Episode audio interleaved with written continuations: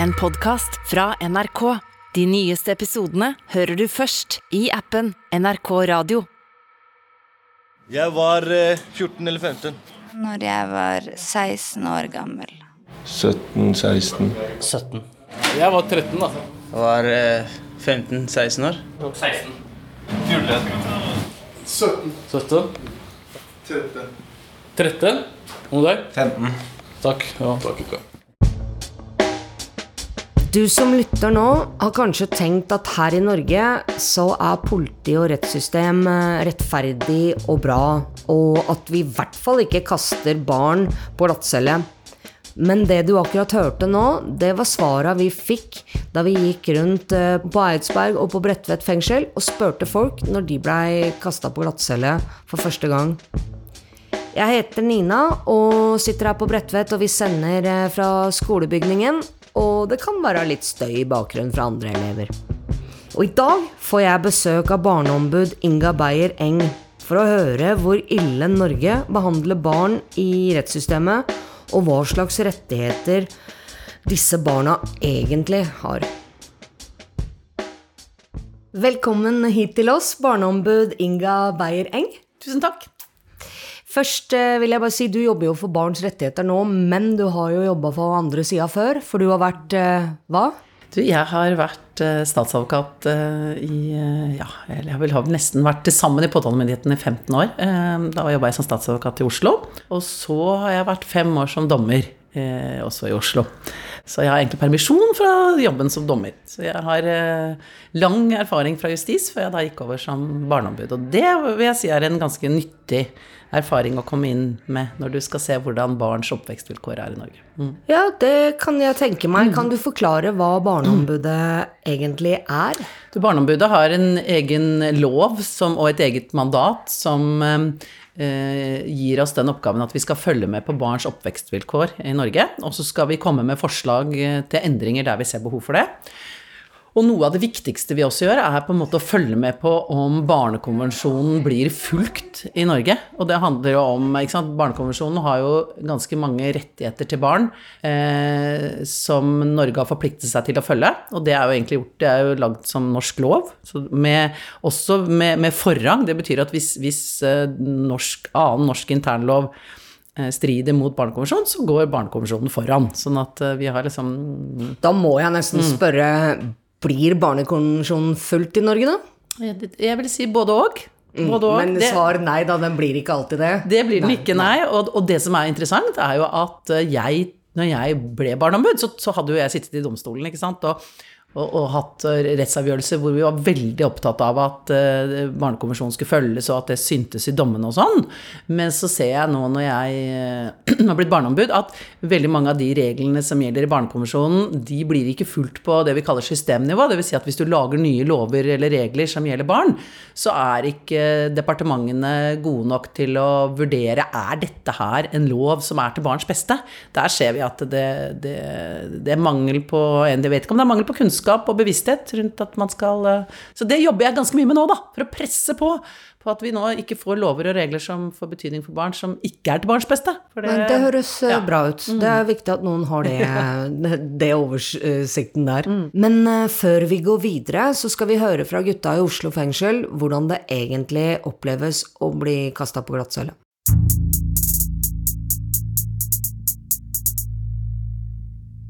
Jeg er Bobby. Jeg er her i dag med min kollega Samuel. Og min kollega Josh. Bobos. Yeah, yeah. Skal vi prøve å beskrive en glasscelle, da, gutta? Ja. Jeg uh, ser for meg den, uh, når du kommer inn uh, til arresten, mm. så må du først oppgi navn, fødselsdato osv. Du mm. blir sjekka, tatt telefon og, og så videre, og så blir mm. du ført inn til cella. du kommer inn, det er et lite rom. Du rekker kanskje å ta tre-fire skritt hver vei, eller? Ikke det engang, tror jeg. Ikke det engang. Uh, du har en seng, en metall, uh, et metalltoalett. Mm. Um, ikke noe lokk uh, på toalettet, ingenting. du har ikke speil i rommet. Du har et, en liten sånn luke som er åpen på toppen, sånn, hvor det skinner inn et sterkt lys. Ja. Uten gardiner. Mm. Du har en klokke som er også i den, i, det, i den gapen. Ja. Mm. Klokka står noen ganger stille. Ja. Det er veldig irriterende. Og så har du også noen ganger um, en calling som ikke funker, da. Ja. Det er vel det, er ikke det. Og så er det veldig kaldt. Ja, Veldig, Og så får du bare det ene teppet. Mm. Det er også uh, veldig glatt. Uh, hens ordet glattcella. Ja, og så er jo vasken er jo over doen. På doen, liksom. Helt Mm. riktig. Så, og som du sa, det er jo glatt. Gulvet og veggene og tak. Alt er det samme, skjønner du? Ja, ja. Får du vann på bakken, så er det som å være på skøytebane. Ja, ja. Helt riktig. Eh, Men uh, vi har jo som sagt alle vært i glattcella. Mm. Mm. Uh, Josh, din første gang. Å, nei, uh, jeg var vel 14 uh, når jeg første gang eller ble arrestert og ble satt 14 over, eller? Ja. jeg Mindreårig. Ja, Mm. Er det eh, lenge siden? Ja, altså nå er det jo det. Jeg er jo 38, så det er jo 24 år siden, da. Mm. Og da var det en eh, barndomskamerat av meg som hadde rana en eh, La oss kalle det en 7-Eleven, da. Så eh, eh, politiet de valgte jo da å holde oss eh, da etter da. Til slutt så fant jeg ut at jeg hadde vært der i seks døgn til sammen. Hvor gammel var du da? Da var jeg 14 år. Jeg vet ikke hvor kan, Det var sikkert sånn da, men nå i hvert fall så Eller loven sier jo da at Mm. Glattcelle, varetekt, kan ikke bli brukt Det kan ikke bli brukt som et middel for å få avhør. Ja, For at innsatte skal Eller personen skal gi avhør, så holder, holder dem da i det, det er ikke lov, ikke sant. Nei, men de, det var en praksis de gjorde ofte før for å få folk til å sprekke, vet du. Husker du hvordan du følte deg? Nei, altså, jeg følte meg jo eh, veldig lost, da. Og jeg skjønte jo ikke hvorfor de gjorde det mot meg. Og jeg, jeg, jeg, jeg, ble først helt sjokkert over at Og jeg mista det jo flere ganger. Jeg, ble- jeg ble ordentlig sånn redd. OK, hva skjer nå egentlig med livet mitt? Eh, Hva er det de egentlig Har de lov å gjøre det her? Og eh, jeg prøvde å få kontakt med de, og de, de, de var, det var Det var altså eh, så umulig å, å Men hva, hva mer gjør det med barn å, Det er jo traumatiserende for et barn å være fanga sånn som det, uten å være i nærheten av foreldrene sine. Det er jo ikke normalt at et barn skal være lenge vekk fra foreldrene sine eh, over så lang tid. Og Ok, Fordi du, du fikk ikke møtt eh, foreldrene dine Nei, altså mamma hun øh, var jo bekymra til slutt, øh, så hun gikk jo ned og øh, meldte meg savna, og da fant hun ut at jeg lå der. Og da måtte de jo svare for seg da hvorfor jeg lå der. Mm. Og da slapp de meg jo ut. Pointet med hele storyen og greia da er jo det at det, det er et eh, maktmisbruk som er med på å distansere liksom eh, forholdet mellom da eh, meg som er mindreårig og eh, de som er øvrige instans og politi som da skal være med ivareta eh, rettighetene til borgere i samfunnet. Mm. jeg sy- syns Det er, det, det, er, det er direkte det som skjer ikke sant? Med, Ja. med, med barn, at det ja, ødelegger forholdet mellom politi og barn Ja, ja. i fremtiden også. ja, ja. Uh, ja, det er sant det du sier, Josh. Som jeg husker uh, Jeg var 16. Første gang jeg var i glattcella, der var jeg der over natta. Mm. Jeg vet ikke hva jeg skal si. Jeg prøvde jo å sove gjennom hele natta, bare, før jeg og foreldrene mine som kom på stasjonen morgenen etterpå. Mm. Men eh, jeg kan se for meg at når du er en ung kar og plutselig våkner på natta, du veit ikke om du har vært der i en halvtime eller 14 timer, skjønner du hva jeg mener, så kan man bli veldig desorientert, og for en ung person så Det er lett å få, eh, hva skal jeg si, traumer eller PTSD, og man kan bli veldig klaustrofobisk, da, etter en uh, sånn uh, Veldig episode. prega. Mm, prega, ja, prega. rett og slett. Og det er ikke Ja, det er livsendrende for noen, det. mm, Og for noen så kan det bare ta en halvtime før det klikker helt for dem, ikke sant? Ja. Og ja, det er ubehagelig å miste kontrollen helt på den måten når man er så ung. Mm. Men hva med deg, Bobby? Har du noen historie fra når du var i glattcella når du var yngre, eller? Uh, ja, første gang jeg var i glattcella, så var jeg i, uh, i utlandet, i England. Utlandet, ja. Og da var jeg i eh, 15. Men eh, jeg må ærlig si at det var mye bedre. Jeg ble behandla mye bedre i England enn det jeg ble behandla her i Du Norge. ble det, ja? Ja. Mm. Tror jeg ble satt her i cella første gang 17-åring, som en 17-åring, når jeg kom tilbake. Ok, ok. uh, men uh, i England så var det mye uh, Altså, det var mer respekt å få. Det var Det, det, det, det virka som at politibetjentene som jobba der, passa på å ikke gjøre feil selv, da. At de liksom De passa på at det de gjorde, var lov, og, og, og så videre. Men her i, i Norge så er det liksom de, de, de tenker seg ikke om to ganger, nesten, i arresten. Det er bare smakk, smakk. Liksom, om du er kid, eller om du er uh, kvinne, eller om du har problemer, eller om du har diagnoser, eller ikke sant. Ja, de bare kaster deg De inn. kaster deg inn, du drar av deg klærne. Hvis du gjør motstand eller noe sånt, så blir du satt, satt fast og på en sånn tralle og som blir trilla ned til arresten, og så blir de slengt på madrassen, og så løper de ut igjen, ikke sant. Ja, helt riktig. Den var mer forståelsesfulle for jeg vet ikke, situasjonen din, liksom. Ja, Mm. med tanke på at jeg var ung, ikke sant. Ja. Noe som eh, gjorde, også gjorde at jeg holdt meg rolig mens jeg var der, og at det gjorde det litt lettere. da de kom, Jeg fikk tilsyn ikke, Her i arresten her så er tilsyn at de åpner luka hver time og smekker den igjen. Ja. Så du får nesten ikke sove heller, ikke sant. ja, helt riktig. Det er nesten en, mer eh, tortur enn eh, Ja. enn om de ikke skulle komme og sjekke det. Men, men eh, i England så, var, så, så kom de og tok meg ut noen ganger, ikke sant. Ba, ba, ba meg på kakao, ikke sant. Og Mm. ja, ikke sant.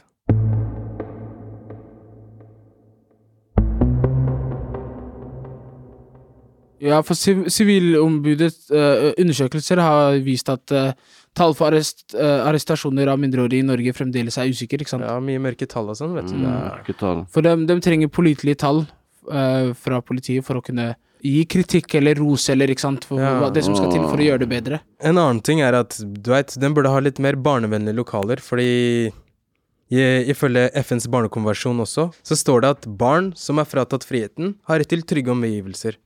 Og det er tydeligvis en ting som uh, dem har lagt merke til at ikke blir uh, ivaretatt, da. At de ikke uh, blir sendt til noe sted der hvor det kanskje er litt lettere for mindreårige, rett og slett. Ja. Så det de sier, er at det rett og slett skal være mer informasjon, Ja. mer barnevennlige lokaler.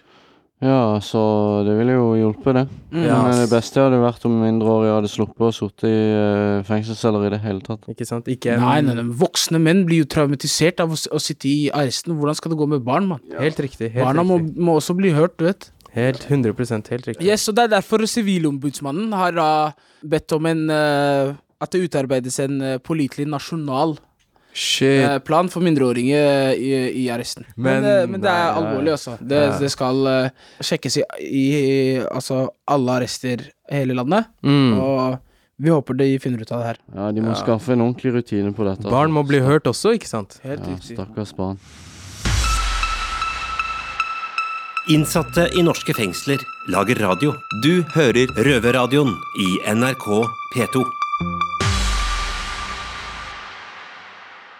Hva tenker du om det vi hørte fra røverne i Oslo nå? Ja, det første som slo meg når jeg hørte, så tenkte jeg at det er godt man har et ombud som reiser ut og undersøker. Og Sivilombudet er jo en instans som myndighetene må lytte til. Når det først er så ille, da, som, som det der er beskrevet, eller i hvert fall at det er, for å si det forsiktig, et forbedringspotensial, så, så er jeg veldig glad for at eh, Sivilombudet er så tydelig og og følger opp direkte overfor de som er ansvarlige. Og jeg har også sett at det var jo mange av de funnene som de redegjorde for nå, som, som jeg også har merket meg, og at, eh, at Justisdepartementet da har da må jo svare ut dette, ikke sant, og, og, og følge det opp, sånn at det får konsekvenser når man har tilsyn som gir avdekker sånne feil.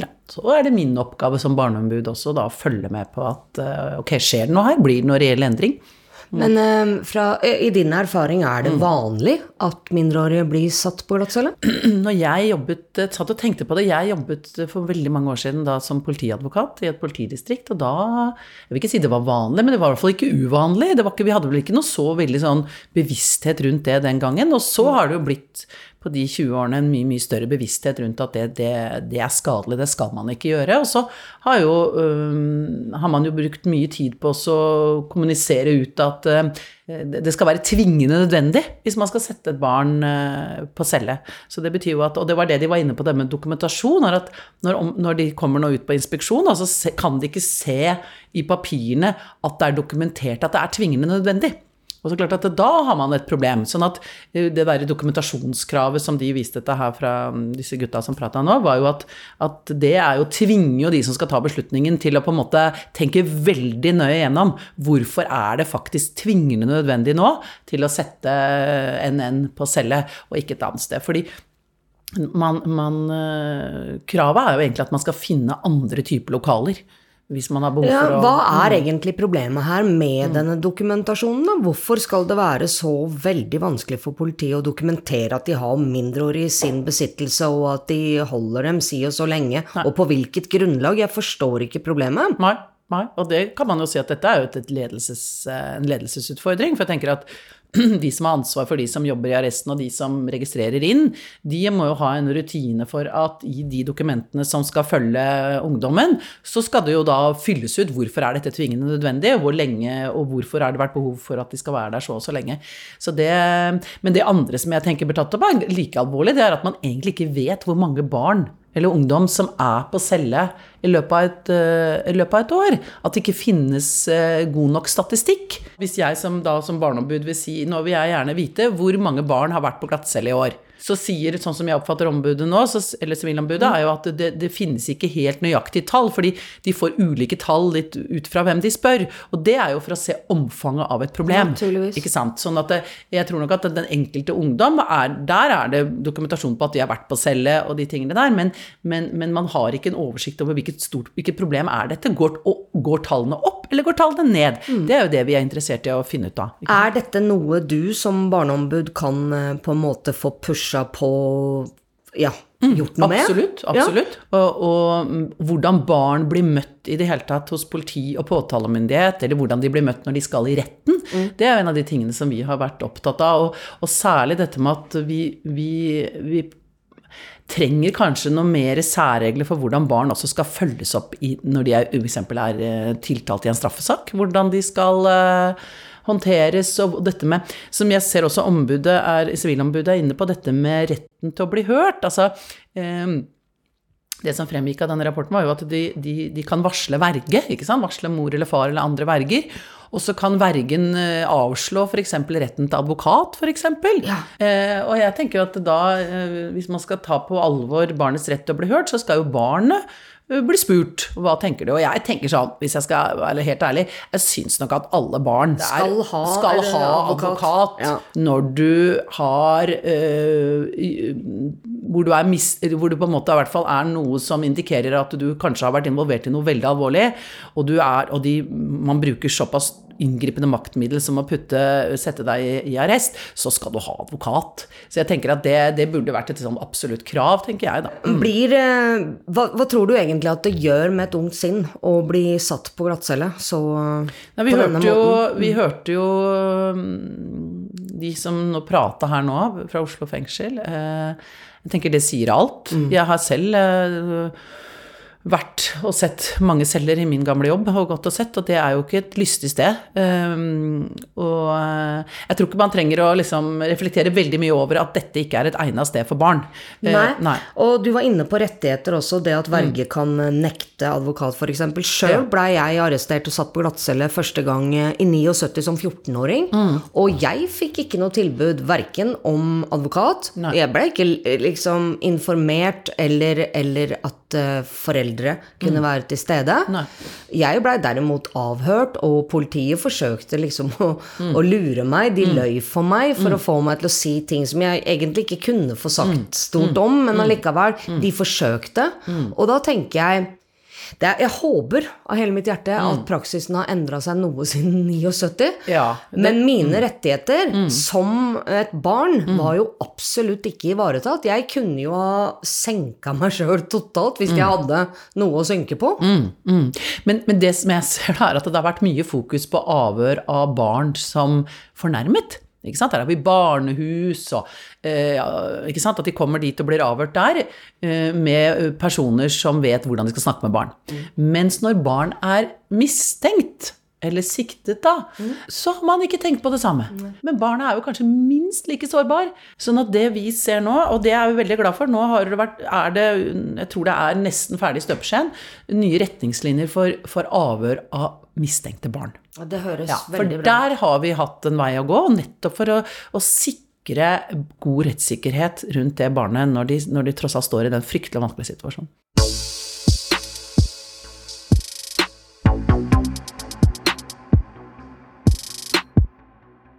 Hvilke barn er det egentlig som havner i dette systemet, som stadig vekk havner på glattcelle og eller mm. blir fengsla? Eh, Jeg har jo noen tanker etter fra jeg har jobba et langt liv i justis, men så har vi jo En av de første tingene jeg gjorde når jeg ble barneombud, var jo å ønske å gå gjennom straffesakene til alle de barna som satt i fengsel i en treårsperiode nå for ja, dette gjorde vi for et år siden. Eh, og vi gikk gjennom da Det var barn som satt i varetekt, men barn som også satt på dom. Men det var mest på varetekt. Og prøvde å finne ut er, er det noe fellestrekk her. Og det er jo en del fellestrekk. Dette er barn som har eh, Det er jo ikke en tilfeldighet at de har snubla inn i fengsel. Det jo, har jo vært en varslet eh, katastrofe lenge før de blir fengsla. Og jeg tenker at veldig det vi ser i sakene, er jo at de eh, Det har vært liksom forsøk på hjelp, men det er ingen samordna hjelp. Det liksom, det kommer litt inn hist og pist. Og så ser vi også hvor viktig, eller hvor, ska, eller hvor farlig det er å falle av skolen. At veldig mange av de faller av tidlig på barnetrinnet. Og at eh, blir ikke hekta på igjen. Og da blir, vokser det på en måte en, fram et utenforskap hvor det er mangel på mestring, og hvor man finner da andre mestringsarenaer. Og så er det ofte kombinert med, ser vi, at litt dårlig foreldrestøtte hjemme. Vi har jo ikke da spesielle lokaler for barn Mm. i Norge. Og hvor viktig syns du at det er at man har egna celler og følger Barnekonvensjonen på det punktet? Ja, det skal man bare gjøre. Hva Eh, trengs for at. Mm. vi får det? Fordi at vi har jo ikke det. Og Nei. blir det satt av noen midler noe sted, eller? Ja, det, er, ja, det kan si at ulempen med å være barneombud er at du kan, ikke, du kan bare gi påtrykk, og du kan hyle høyt, men du, du beslutter ikke noe. Så det er jo helt og holdent opp til eh, justisministeren da, å sørge for at det blir eh, Eller ja, at det til syvende og sist ble satt av nok penger. For jeg ser jo da Det var jo en av de tingene som Sivilombudet påpekte, at det finnes ikke Det er ikke bygd ut egna lokaler. Og, og det er jo interessant å se svaret da fra Justisdepartementet går jo på det at det er noen bygningstekniske utfordringer og ikke sant. Man kjenner sånne svar. Litt bla, bla der, ja. Så jeg tror at dette er jo bare no, at man nå Nå er kanskje tålmodighetenes tid forbi. At nå har vi jo Norge fått påtrykk for dette så lenge. Uh, og vi var i Bergen nå for litt siden, um, noen kollegaer og, og jeg, og da så vi at der hadde de på en måte gjort noen innretninger som gjorde at barn ikke, nesten ikke ble satt på celle. Sånn at det går an, Ja. men man må bare For eh, det Norge også gjør, da, Mm. som er ikke bra, syns jeg i hvert fall, er jo det at eh, vi tillater bruken av spyttehetter mot barn. Altså spyttehetter er jo da en, eh, en strømpeposeaktig sak som man drar over hodet på mennesker for å hindre dem i å spytte, men det hindrer jo samtidig, hvis du da er i en stressa situasjon, å puste omtrent. Og det er jo forferdelig traumatiserende, sannsynligvis veldig angstfremmende. Hva, Ja. hva tenker du om at vi tillater bruk i Norge av spyttehetter mot barn? Ja, nei, det, det, sånn burde det ikke være. Og, jeg, eh, og igjen, tilbake til hvem er de barna? Fordi at veldig mange av disse barna har, har på, før de møtte politiet, vært utsatt for for, eh, for kan si vold, andre form for traumer, som gjør at for dem å bli møtt på den måten er enda verre enn hvis det var et barn som ikke hadde vært utsatt for det. Og det vi så i det prosjektet vårt, var at veldig mange av de ungdommene som vi gikk gjennom sakene til, de hadde vært fornærmet i en familievoldssak på samme adresse noen år før. Ikke sant? Så vi vet jo at disse barna, de, de på en måte har med seg en sårbarhet som gjør dem ekstra skadelig for dem å bli møtt med sånne tvangsmidler som det, som det du snakker om her. Så, så jeg mm, tror det er, i hvert fall min oppgave, viktig å få kommunisert ut til politiet, særlig som møter barn. Hvem er disse barna? Hvor, hvorfor er det viktig å tenke på hvordan du møter dem? Og at du prøver å forebygge tvangsbruk, det, det tror jeg på aldri jeg kan få snakka nok om. Fordi jeg, jeg er redd at eh, det ikke fins alltid nok kunnskap der ute om hva disse barna har gjennomlevd før de, før de begynner å lage det politiet kaller trøbbel. Mm. Så hva skal til da for at praksisen eh, som brukes i Norge, blir forsvarlig på disse områdene? Nei, det er jo da at de som sitter på toppen i justis, bestemmer at eh, det skal man ikke bruke. Så, så, så, det, så det er eh, Men så klart, det, det de vil sikkert si, at det er en del eh, utfordringer med ungdom som spytter på politiet det, når de blir tatt. Klart det er det. Det har jeg selv sittet og sett òg. Klart at det er eh, Men at ikke det finnes andre muligheter enn å, å bruke spyttehette, det har jeg ikke helt uh, forståelse for. Men jeg tror også det er veldig viktig, jeg tenkte på da jeg satt og hørte på de gutta fra Oslo fengsel, at, at de som har opplevd det, forteller noe om hvordan det er. Tusen takk for besøket, barneombud mm. Inga Beyer Eng. Takk.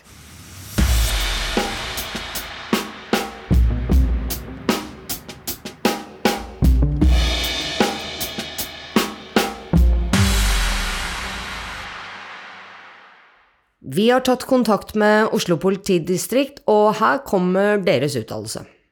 På vegne av politiinspektør Trine Krok, fungerende leder av Felles kriminalenhet. Anbefalingene i Sivilombudets besøksrapport er fulgt opp, og flere tiltak er iverksatt. Som følge av rapporten er det også blitt utarbeidet retningslinjer, rutinebeskrivelse, mindreårige i arrest, hvor flere av tiltakene er implementert allerede. Enkelte av de berørte tema i rapporten mener vi må adresseres til overordnet myndighet. Vi har allerede gjennomført et møte med Politidirektoratet for å diskutere temaene som eventuelt vil kreve en felles, helhetlig og nasjonal tilnærming.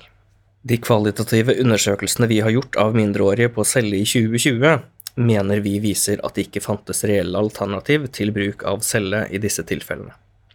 Vi har videre, som Sivilombudet påpeker, egne celler for mindreårige, med mulighet for å se på TV. Disse er av hensyn til arrestantens sikkerhet innrettet som en vanlig celle, og i forhold til forskrift og sentrale instrukser vi må etterleve. Når det gjelder voksenkontakt, blir barnevernsvakta på politihuset alltid varslet umiddelbart, og det er mulighet for voksenkontakt minst hver halvtime eller time. Den mindreåriges behov for hvile og ro vil også være avgjørende for graden av kontakt. Vår erfaring er at mange ønsker å se på TV, sove eller være i fred, i påvente av avhør eller løslatelse. Hittil i år, eh, etter 30. Eh, april 2022, har distriktet hatt åtte mindreårige på celle, hvorav én 16-åring og resterende 17 år.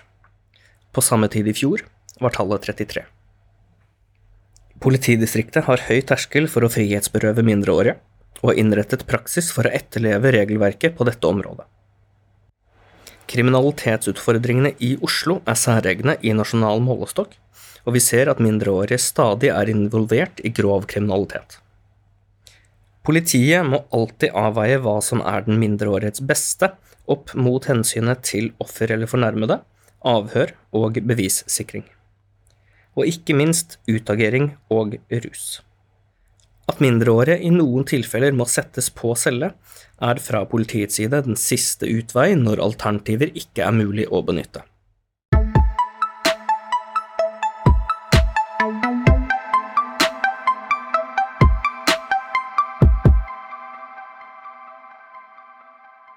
disse barna som havner i varetekt, kommer fra et sted. De kommer jo ikke fra løse lufta. Eller som um, Barneombudet uttrykte det, var varsla katastrofer. Så her er det åpenbart mye å ta fatt i og jobbe videre med. Men nå er sendinga slutt for i dag, og jeg skal opp på cella mi og sone tungt i dag.